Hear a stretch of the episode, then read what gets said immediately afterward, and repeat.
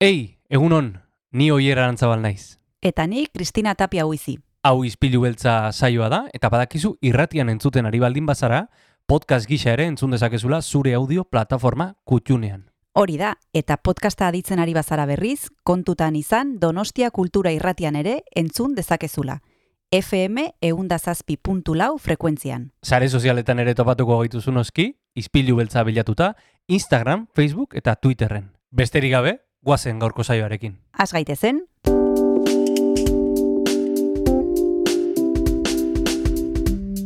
Ispilu beltza. Donostiako kulturaren berri, Oyer Arantzabal eta Kristina Tapia buizirekin. Osteguna da urriak hogei ditu eta izpilu beltza zauden lekura doa. Donostia kultura irratia zauden lekuan dagoelako, e, izan irratibidez, izan nahieran, Kristina egunon. egunon oier. Zer moduz? Oso ondo, gaurko elkarrizketa entzuteko desiatzen. Nik uste eh, gustatuko zaizula oier. Hombre, e, telmotren horrek beti dauka zerbait interesgarria esateko, gainera gure lankidea da, eta asko daki, Bai. eh? Asko daki As- pro, produktore DJ. Eta plazerra da bai. berarekin hitz egitea. Oso gustora egon naiz, badekizue berak gauza mordoa egiten dituela eta besteak beste Donostia Kulturan eskaintzen dituela ikastaroak. E, DJ-a e, denez, e, produktorea denez eta hainbat gauza denez, ba, bere ezagutza partekatzen du Bai. eta horren inguruan arituko gara gaur berarekin, naiz eta bi hartokatuko litzaioken aldatu egin dugu eta gaur hitz egingo dugu ikastaro hoien inguruan. E, Telmotren hor gaurko saioan, gainera zinemaz ere hitz egingo dugu, ostegurero bezala, subtitulo atalean, Josemi Beltranekin. Bai, Josemi Beltrama dekizue Donostia Kulturako zineunitatearen zuzendaria dela, eta betekarretzen dizkigu, ba, perlak e, berak ikusten dituenak, eta gomendatzen dituenak, eta gaur ere horrela egingo du. Hori guztia gaurko saioan, eta gainera Jon Gartziaren musika, arekin hasiko gara, besterik gabe. Hori da, guazen gaurko izpilu beltzarekin.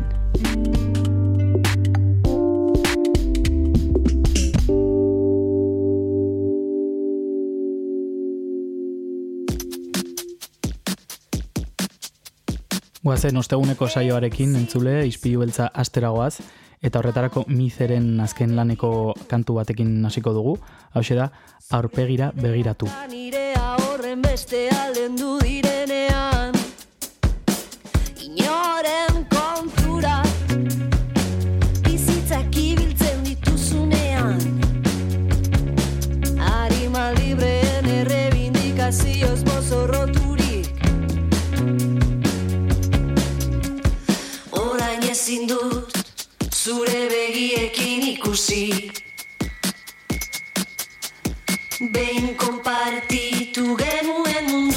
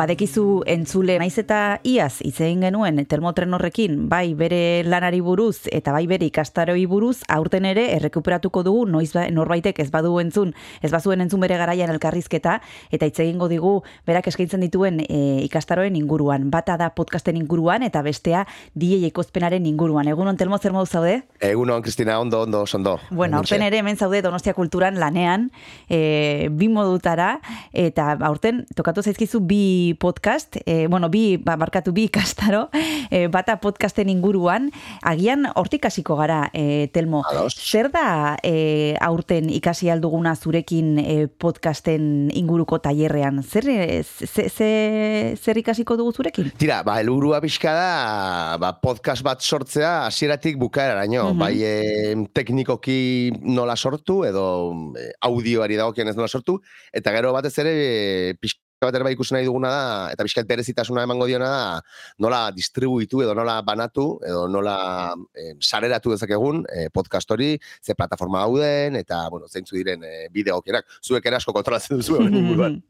bueno, bai, pixka bat, baino hemen egin behar duguna da e, azaldu, ez dakien entzat, e, zer den agian hasieratik hasi beharko ginateke e, e, esplikatzen Bai. zer den podcast bat, eh? E, ze batzuek, e, bueno, e, irratiarekin e, nasten dugu, e, ez dakigu non bukatzen den bat, non dantzten den bestea, eta Bai. agian hortik hasi beharko ginateke. Bai, bai. Podcast esaten dugunean zer esaten dugu? Pff, galdera ona, nik uste hori dela e, galdera klabetako bat, bai, iz- e, podcasta izan daiteke edozein audio, ez? Elkar Mm. banatzen dugun e, edozein audio.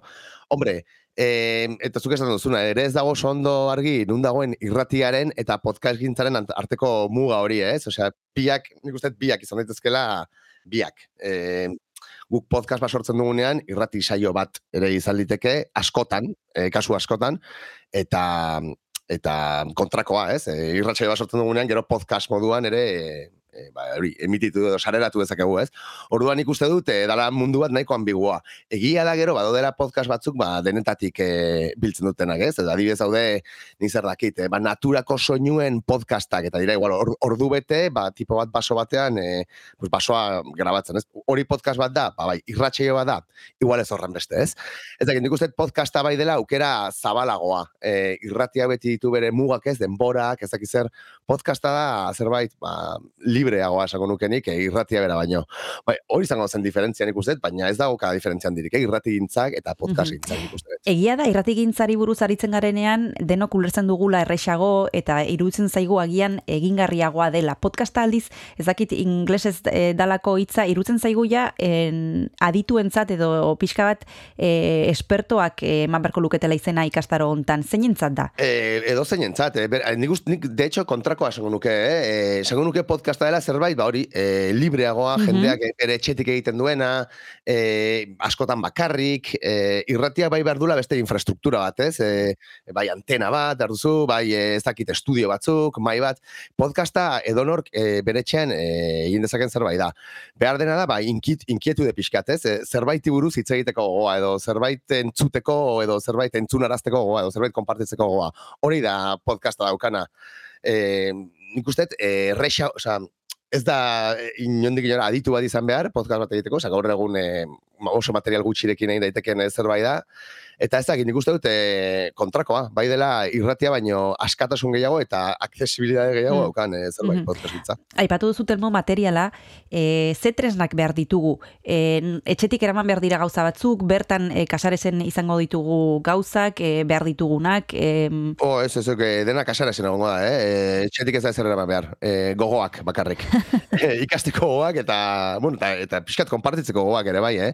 Egia da, lehen aldia izango dela e, bat tailerra egingo duguna, e, podcast tailerra hau, Eta nik ere gogoa dute, aber, pixka bat, e, nundik nora doan e, ikusteko, zen egia esan ez dute, ez dakit, e, ba, partaidek eta zer, zer behar duten, edo zeintzuk izango diren e, exactamente beraien beharrak, orduan ikuste eta interesante izango dela hori ere bai. E, bai, esan behar dugu azaroan hasiko dela ikastaroa, azaroaren bostean eta amabian okerrez banago, bi hizkuntzetan egongo delako, eta e, esan dezakegu bi zatitan e, banatuta dagoela tailerra batetik badagola parte, badagolako partea teknikoa eta beste bat edukiena.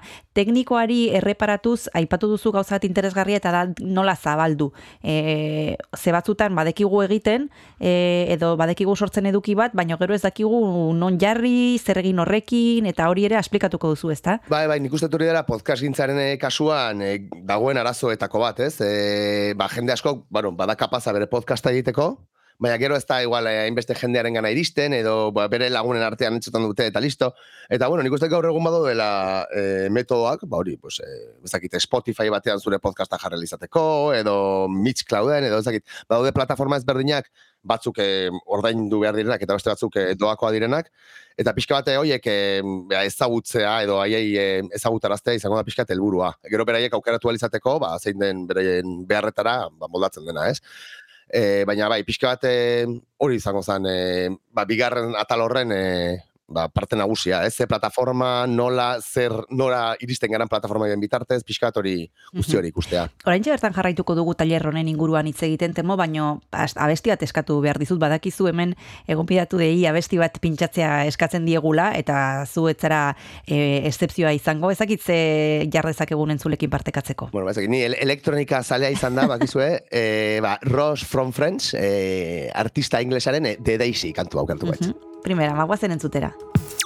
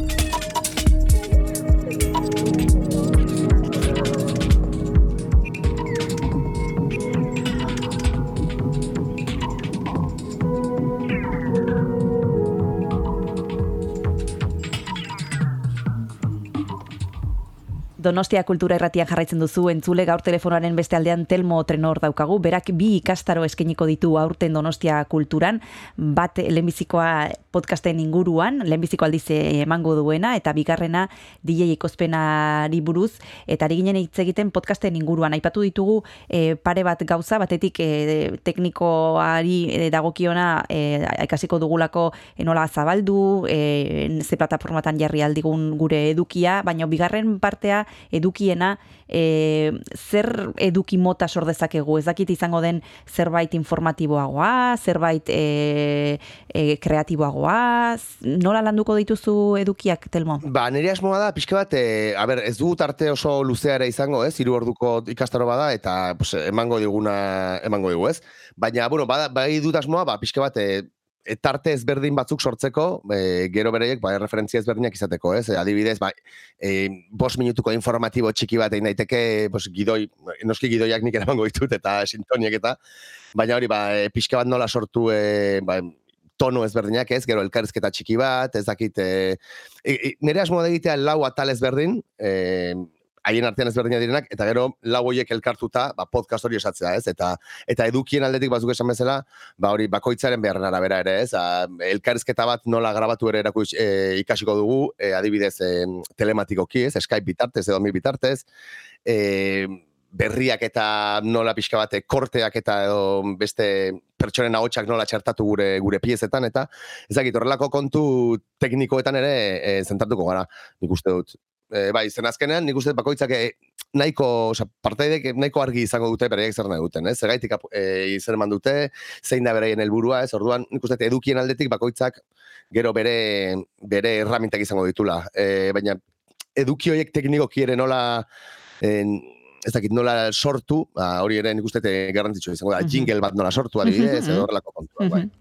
Lehenbiziko aldia da e, tailer hau egiten dena Donostia kulturan, nik ezakit nabaritu duzuen e, jendeak interesa duela gai honen inguruan, ze, bueno, e, geroz eta gehiago entzuten dugu hitza, geroz eta gehiago e, ikusten ditugu pertsonak kaletik kaskoekin, pentsatzen dugu zerbait entzuten ari direla, e, nik ezakit somatzen duzun e, interesa honen inguruan, e, ezakit, mm, kasaresen norbaitek e, aipatu dul gaia, edo zure inguruan, edo... Nik uste dut, e, bogan dagoen zerbait dela. Bueno, zuek ere, be, soberan dakizue. Bai, baina kasu honetan niri tokatzen zaik galderak egitea.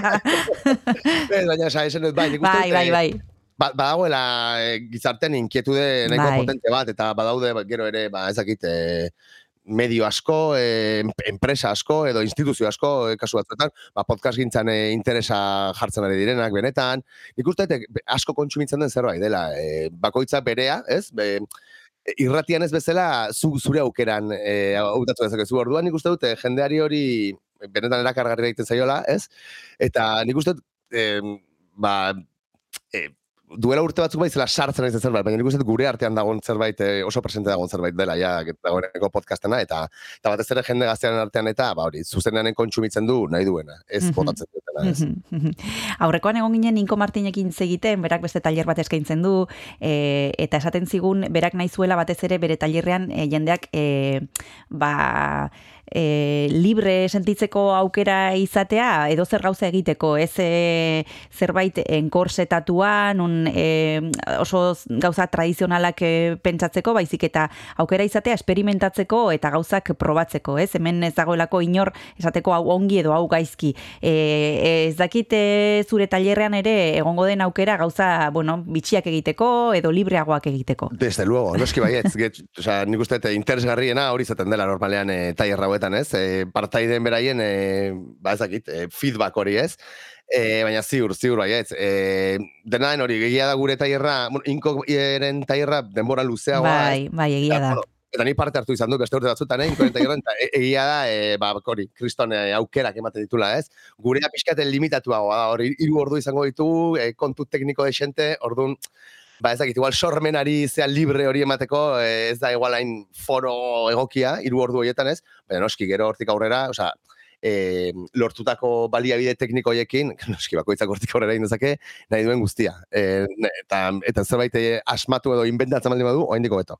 Bueno, hiru ordu dira, agian datorren ikasturtean gehiago izan beharko dira, ikusita zein den arrakasta, ez, Telmo? Pentsatu Igual, dugu, bai, pentsatu dugu, eh, hasi ginen horrela pixka bat eh, low profile, ez, Bai. bezala, eta, eta jo, ba, jen, erantzuna nahiko interesgarria izan da, ez, eta orduan, ba, datorren urtean, eh, bai planteatuko beharko dugu beste, beste era batean, ez, ez dakit, baina, baina bai, eh, nik uste, eh, ondo ongo dara. bueno, seguru baietz, hori da zuke eskainiko duzun lehenbiziko tailerra, baino badago beste bat, eta horren inguruan arituko gara oraintxe bertan, baino bigarren abesti bat eskatu behar dizut, bigarren deskantsu hartzeko, ez dakitze zein jarriko duzu orain Telmo. Mira, ba, artista donostiar bat jarriko dugu disko atera berri duna, eh? Mhm. Divorce from New York, eh, ba, berri disko berritik, eh, Sausalito, kanta dibez. Primero, guazen entzutera sausalito. broken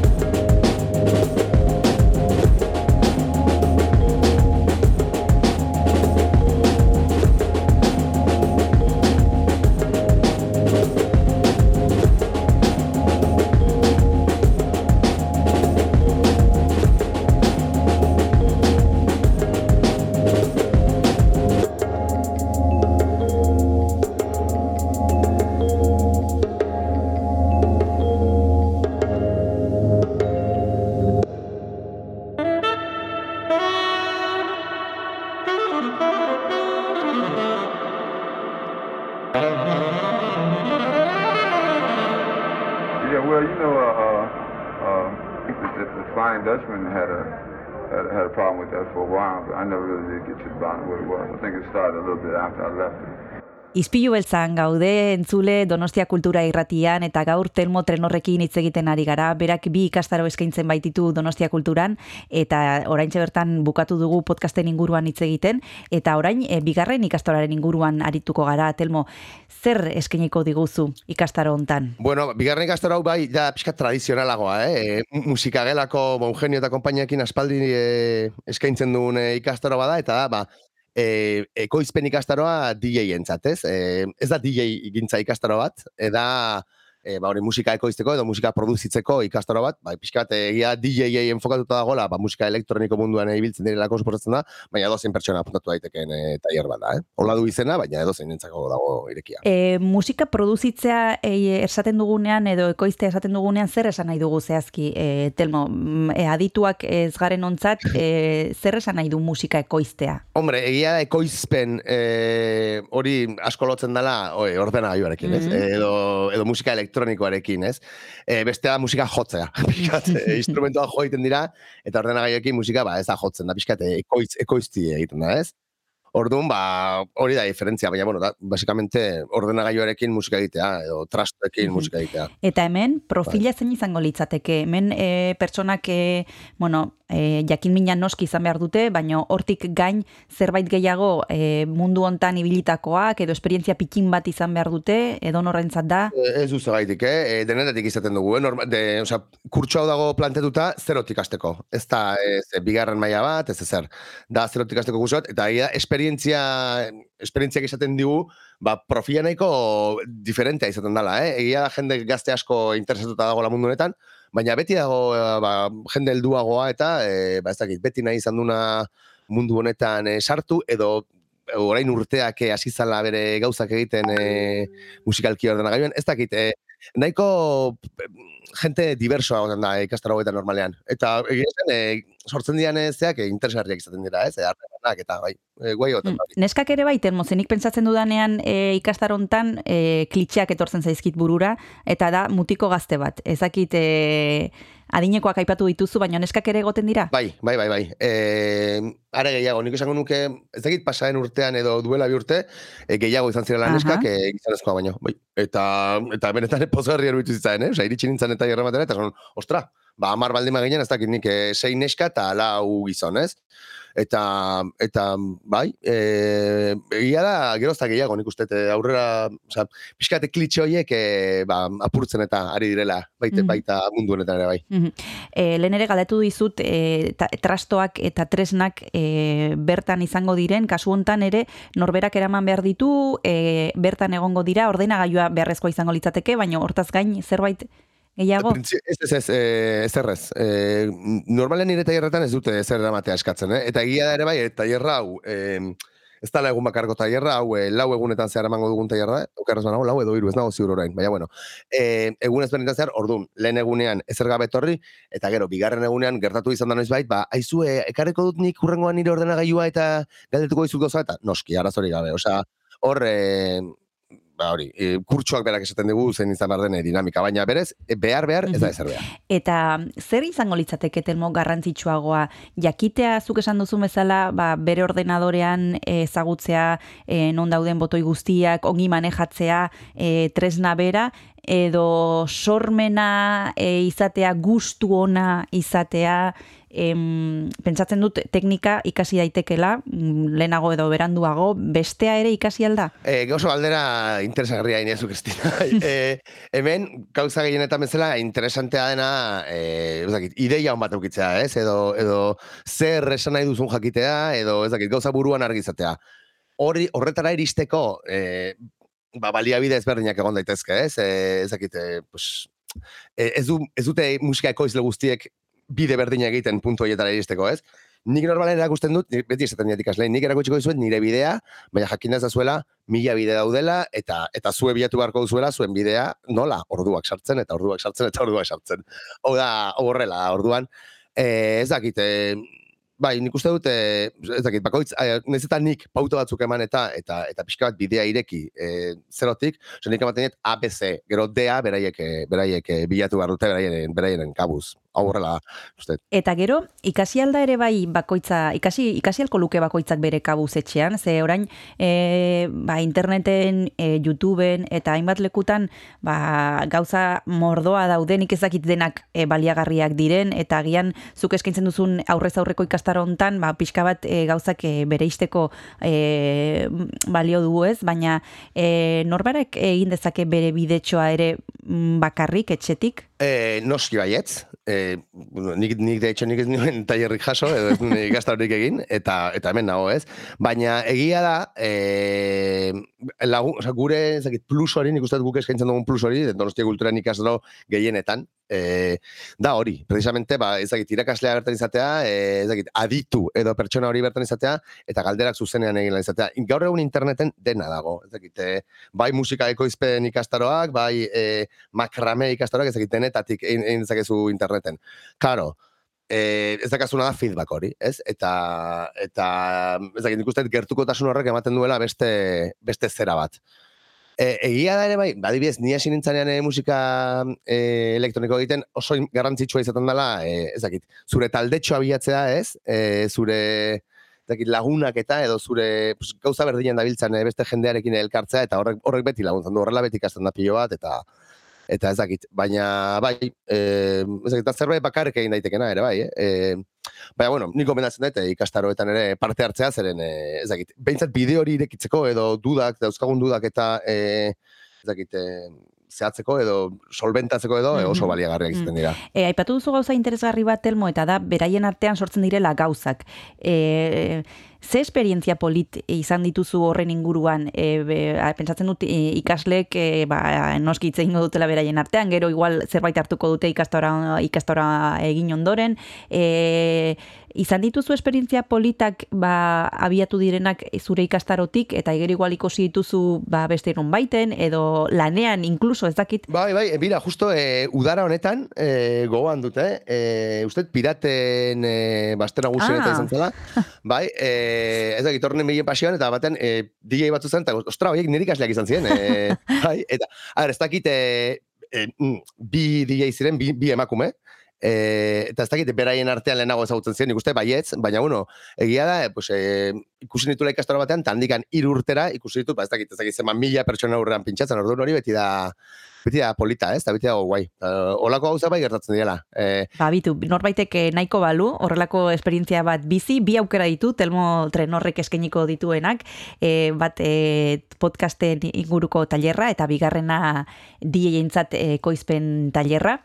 Eskerrik asko, xetasun guztiak emateagatik hemen donostia kultura erratian, Telmo, eta besarkada bat urrengor arte. bai, mi esker, Kristina, jo. Aio.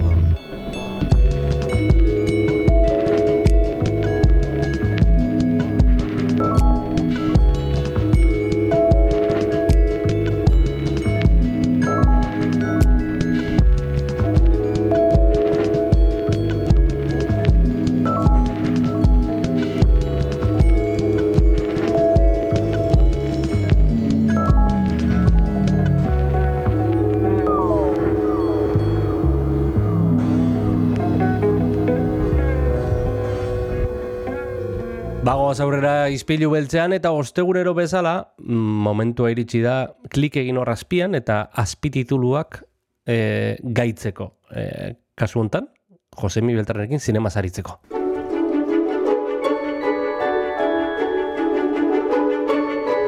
Azpitituloak, subtitulos, Josemi Beltranekin. Egunon, Josemi, Bai. azpititulua gaituta. Kaixo, egunon, zemuz. Primeran, primeran. E, suposatzen dut, e, zu baino beto, segurazki. Ze, zu ibiliko zara orain azken, ez? Bueltaka hemendik gara, han- handikona, eta bueno, es, espero dugu ondo gotea. Ba, egongo gogorra dira, ja itxe egingo dugu beste tarte batean uste, baina baina ja ja aurkeztu dugu eta aurkeztuko dugu egun hauetan ba, programa osoa, beldurrezko Bai. astearen programa osoa, Bai. laster salduko dira bonoak eta sarrerak eta bar, osea que, bueno, Bai. eh, antxok, antxoki zahargan egongo naiz eh, datorren bi aste edoan egongo Bueno. naiz lotuta egune, egunero. Bueno, guk denbora gutxi laportuko dizugu, baina uste dugu bi pelikula bintzat aipatu behar ditugula, ezta? Bai, zeren, bueno, badago beldurezko astea, baina baina beste programa batzuek jarraitzen jarraitzen dute. mm, E, eta beldurezko astea e, hasi baino lehen, adibidez, e, bueno, ba, nosferatu, nosferatu izango dugu urriaren hogeita, hogeita zazpian, e, tabakalera, oi moduan. Bueno, ba, entzungo dugu Beautiful Girls filmaren trailera.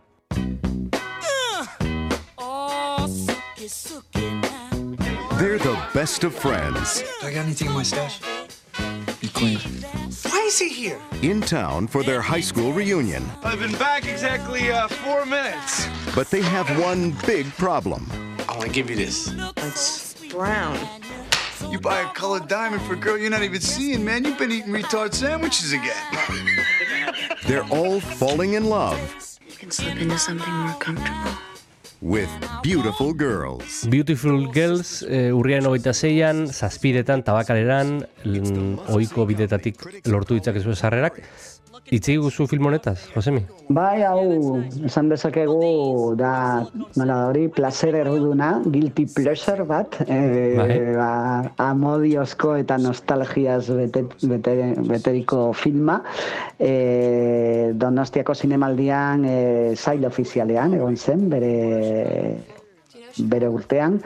Eta, bueno, ba, zerako kastina duen. E, Timothy Hatton, Matt Dillon, Natalie Portman, oso gaztea zenean, Uma Thurman, Mira Sorbino, en fin, bueno, ba, estatu batu batoko ba, aktore oso, oso ospetsuak, e, institutuko institutu bateto, bateko topaketa bat, urteak pasa eta gero, herri batean, e, eta bueno, komedia, nostalgia, modioan azten dira film honetan, e, denbora nola pasa den, ez beti, bueno, ba, herrira bueltatzen garenean, e, nola, nola dauden gure kide hoiak, institutuko kide hoiak, ze bizitza izan duten, nola aldatu dugun edo ez. E, Ted Demek zuzendu zuen e, fil hau, e, baina, bueno, e, ba, pena izan zen, zeren oso oso gazte hil zen e, de zuzendaria, 2002an, mm, hain zuzen ere, 2002an, gero bere jargaian beste, beste film batzuk egin zituen, Blow adibidez, e, baina, bueno, hau da, hau da ospetsuena, Eta benetan, ba, bueno, nire uste, ba, bueno, ba, aukera polita dela berriro pantalla, pantalla handian gozatzeko. Hau bezalako film, estatu batuetako film independienteak, atseginak, eta, eta bueno, e, ba, uste dut denbora e, ondo pasa duela e, filma, filmaren txat. Ez dakit, ez nork egin zuen kastina, baina desde luego asmatu zuen, eh? E, pleno, pleno al 15 egin zuen, ez? E, Josemi, suposatzen dut honekin lotutako abestiren bat izango duzula? Bai, gainera baita ere filman abestiak garrantzitsuak dira. E, hau esalako istorioetan beti. Eta kasu honetan filmean e, Neil Di- Diamond abeslariaren Sweet Caroline eh? e, abestia e, oe, garrantzitsua da eta bere, bere esan nahia dauka e, historiaren barruan. Oso ondo, ba, entzun dezagun.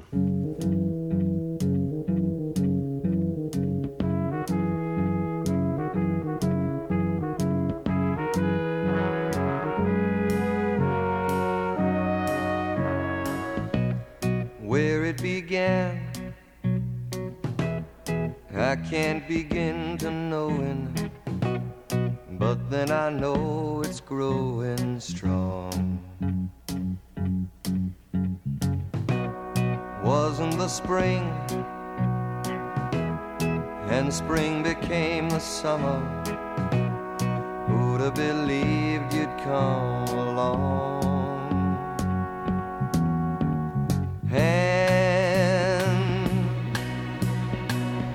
Touching hands,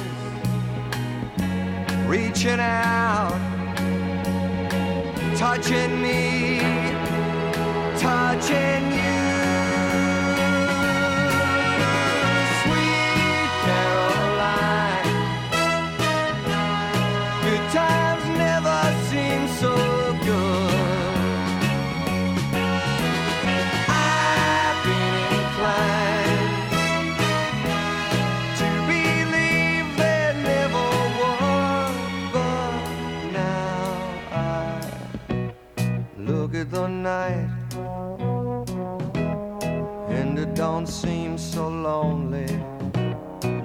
Fill it up with only two.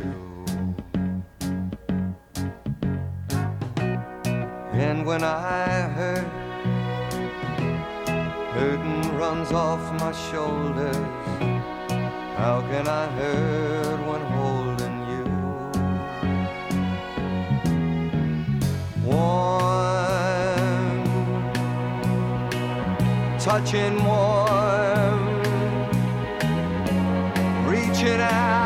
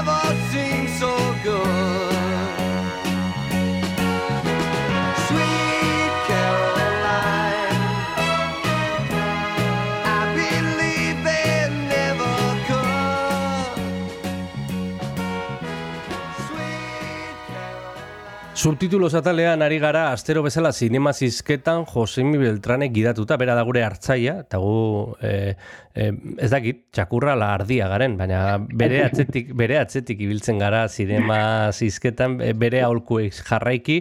E, Bide lagunak, bide lagunak. Bi, bide lagunak, lagunak. bide lagunak. Eh, hobeto, ez da? Ardia baino. Hori da, nahiago de bide, bide lagunak. bueno, Nosferatuko Beautiful Girls aipatu dugu eta jarraian estrenaldi bat gaurko saioa Mhm. isteko. Entzun dezagun Los Cinco Diablos filmaren trailerra. Siete grados. 20 minutos. ¿Preparada? Te quiero, mamá. ¡Todas a gritar, chicas!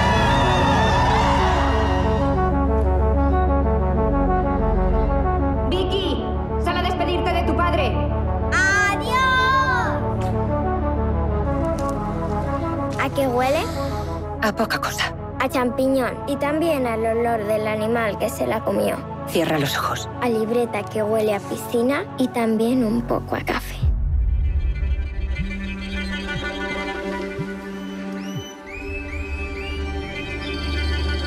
¿Es tu hermana pequeña o mayor? Pequeña. ¿Y por qué yo no la conocía? Quiero que se vaya. No lo soporto más.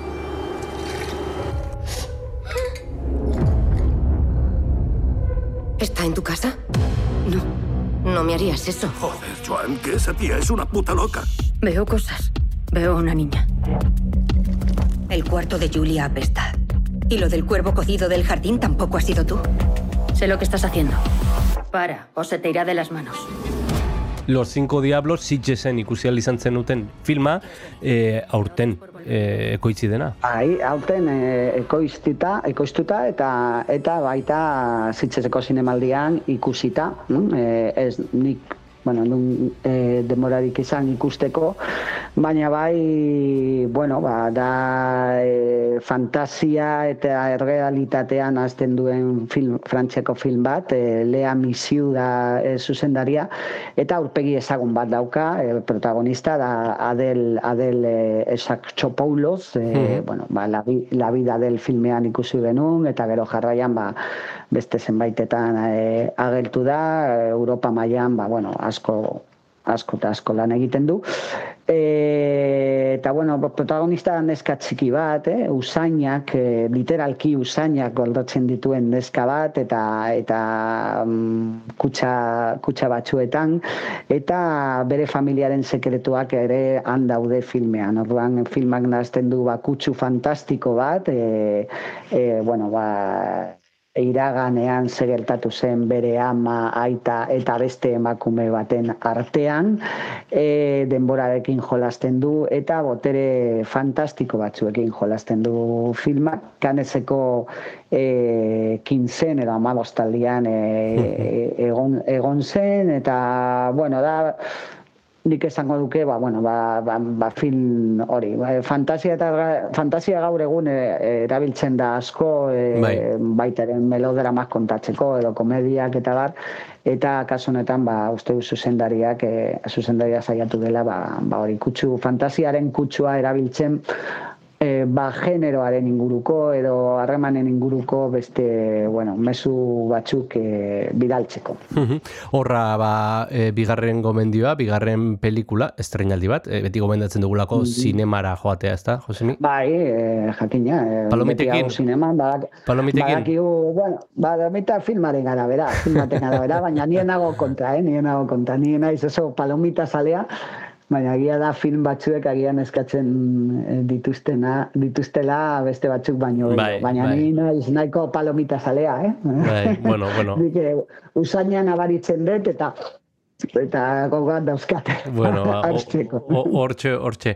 E, esan dakoa, bueno, agurtuko gara, eta agurtzeko fi, e, azkena besti eskatuko dizugu. Ba, film honetan, Los Cinco Diablos filmean, e, protagonistak e, karaoke batean, protagonistek abesten dute e, ba, hau, Total Eclipse of the Heart, e, Bonnie Tylerren e, abesti famatua. Oso ondo, ba, horrekin agurtuko gara, Josemi, bezarka bat, eta da torren ostegunen arte. Bai, lasterate, agur. Agur, agur.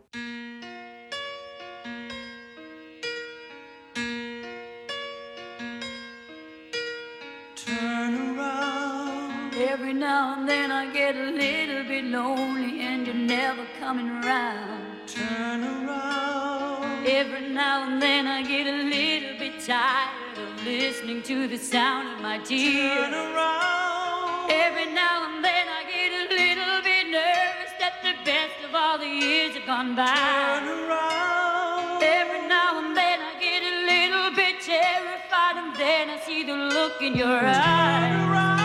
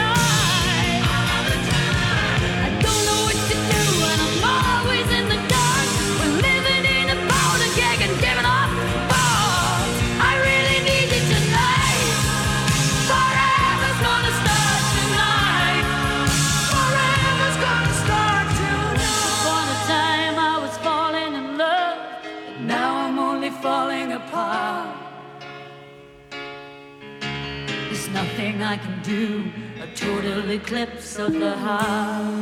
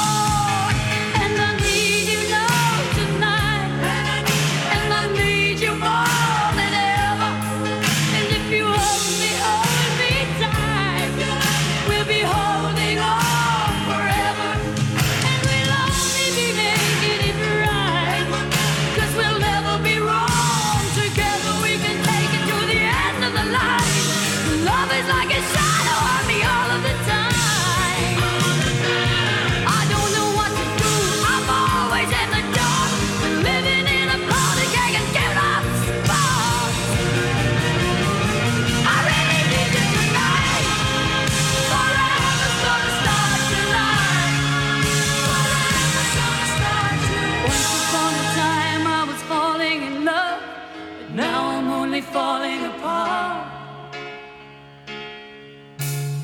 Nothing.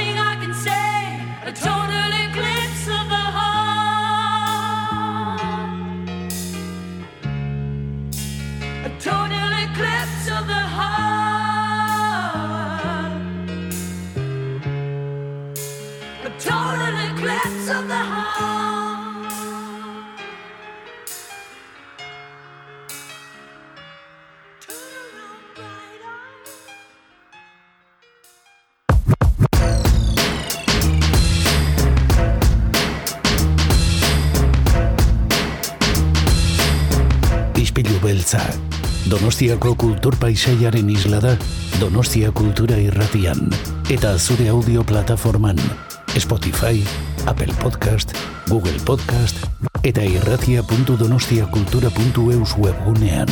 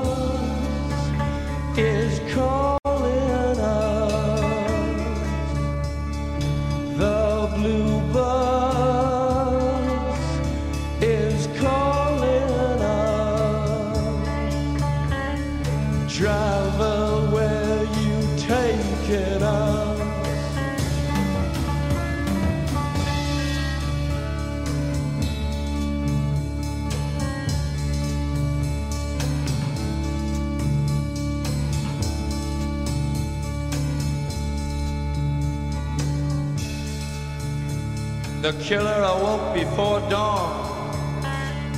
He put his boots on.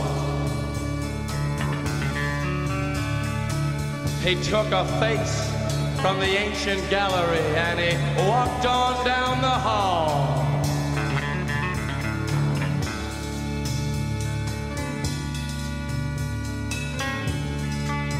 He went into the room where his sister lived and then he paid a visit to his brother and then he he walked on down the hall. And, he came to a door. And he looked inside.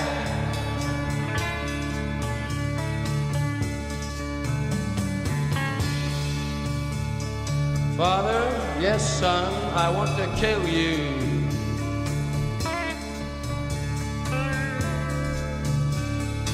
Mother,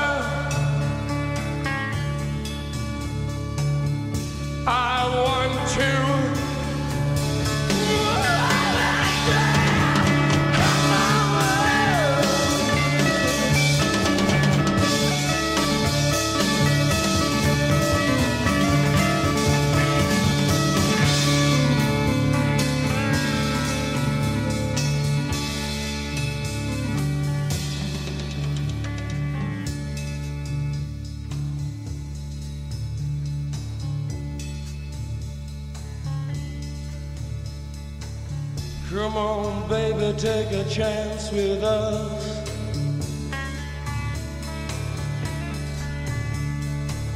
Come on, baby, take a chance with us.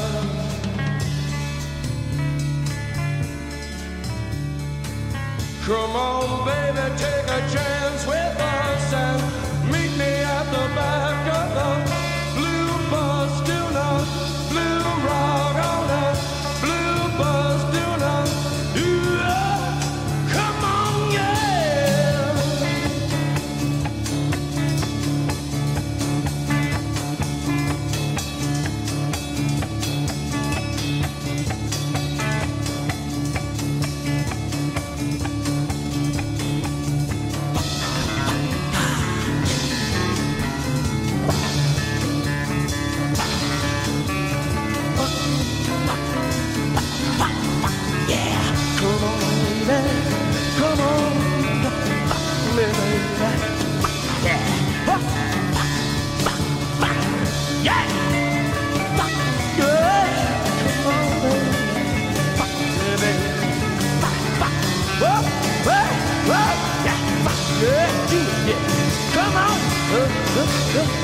Yeah. Oh.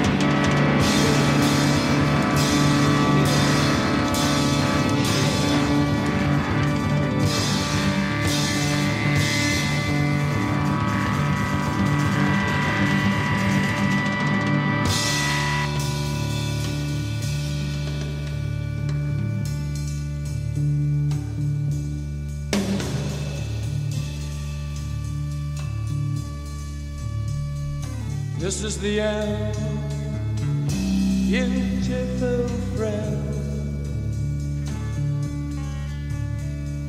This is the end, my only friend.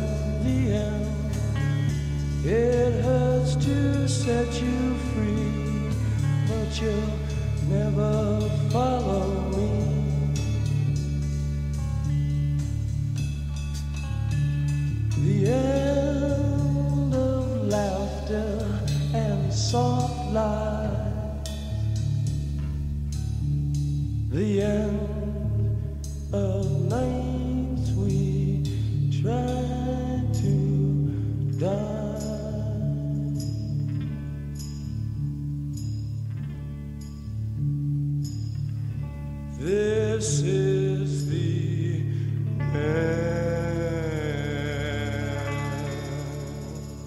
Amaitu dugu osteguna, amaitu dugu urriaren hogeia, eta guazen ostiralari begiratzera, Kristina, ze ostirala berezi dator. Bai, badekizue atzo, hogeita mairu garren beldurrezko asteko xeetasun guztiak aurkeztu zituztela, eta guk gaur Josemi Beltran zuzendaria ekarri dugu, ba, kontatzeko, non erosi sarrerak, ze pelikula ikusteko aukera izango dugun, ze kitaldi egongo diren, ze badekizue pelikulaz gain beste gauza batzuk egoten direla, eta horregatik gonbidatu dugu Josemi Beltran, gaurkoan gon- gonbidatu berezia bezala, ez kolaboratzaile bezala. Gonbidatu berezia biharko saioan, e, beldurrezko astea hitz egiteko. E, gauzazko galetuko dizkiogu eta gauzazko nahi ditugu jakin. E, bueno, aurreratu zigun okrespanago, e, ja, de, esaterako e, garagardoak ere berriz ere egongo direla, ez? Hori, Mhm. hori, hori su- susmatzen da, eta hori da ere ja e, normaltasunaren simbolo, ez? Esango dugu. Mm, ez? bai. Hori e, ezabatu zen pandemiarekin eta badirudia urtengoan bueltatuko dela. Bai. Eta eta tira, e, jende asko pozik egongo da. Baina guk guk galetuko diogu zinemaren inguruan batez ere, eh? Bai, batez ere, baina hori bihar izango da. Bai. Eta badekizue bitartean nahi izan ez gero espilu beltzaren bat errekuperatu nahi baldin baduzu, e, nahieran dituzuela ez zuen plataforma kutxunean, eta gainera e, nahi baduzu entzun, ba, tradizional, modu tradizionalean, eunda zazpi puntu lau frekuentzian topatu dezakezula zortzietan, ordubitan, eta gauko bederatzietan. Hori da, denontzat daukagu. Tradizionalentzat eta etzaretenontzat. E, bihar arte, agur, agur. Agur.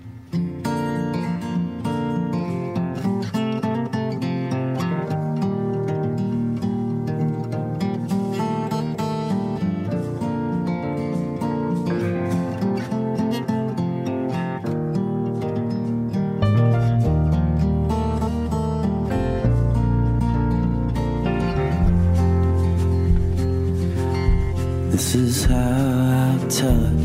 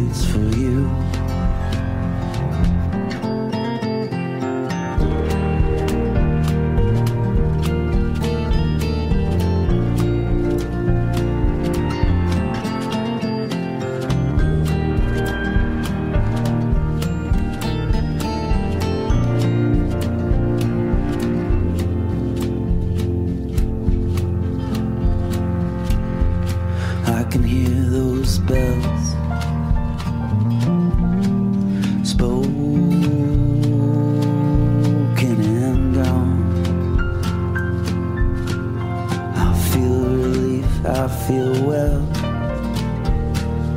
Now he knows he was wrong.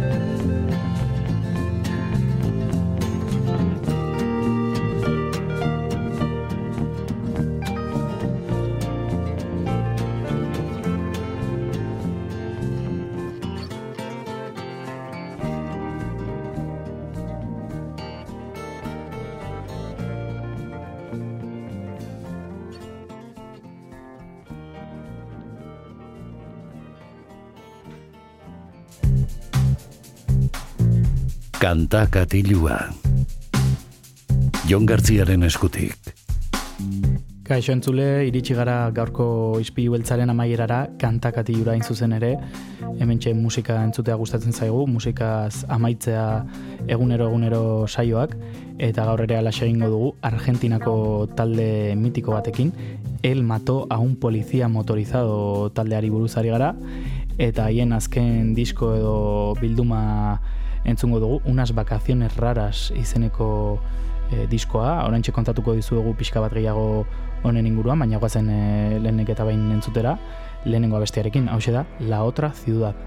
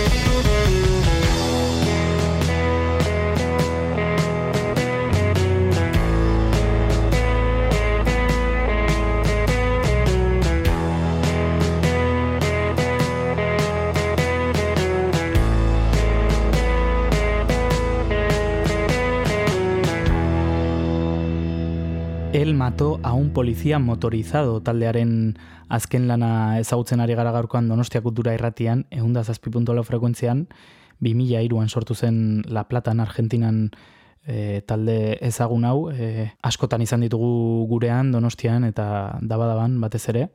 Eta honako hau ba, beste disko batzuetatik hartutako abesti bilduma moduko bat da, e, Okupas izeneko e, filmari soinu banda emateko hain zuzen ere, unas vacaciones raras e, izena du e, argitaratu duten bilduma honek, eta ba, beste diskoetatik e, hartzen ditu abestiak hain zuzen ere, un millón de euros, Dia de los Muertos eta La Dinastia Escorpio diskoetatik e, adibidez. Guazen entzuten eta ezagutzen jarraitzera abesti hauek, Joni B. kantuarekin.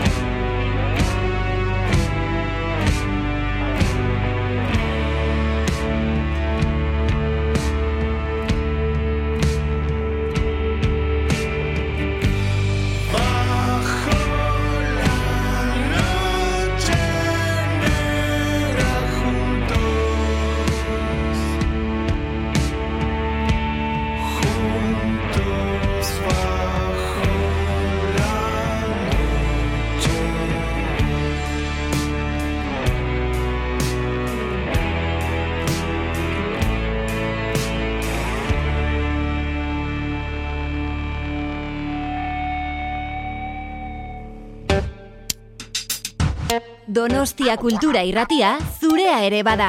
Zatoz eta parte hartu.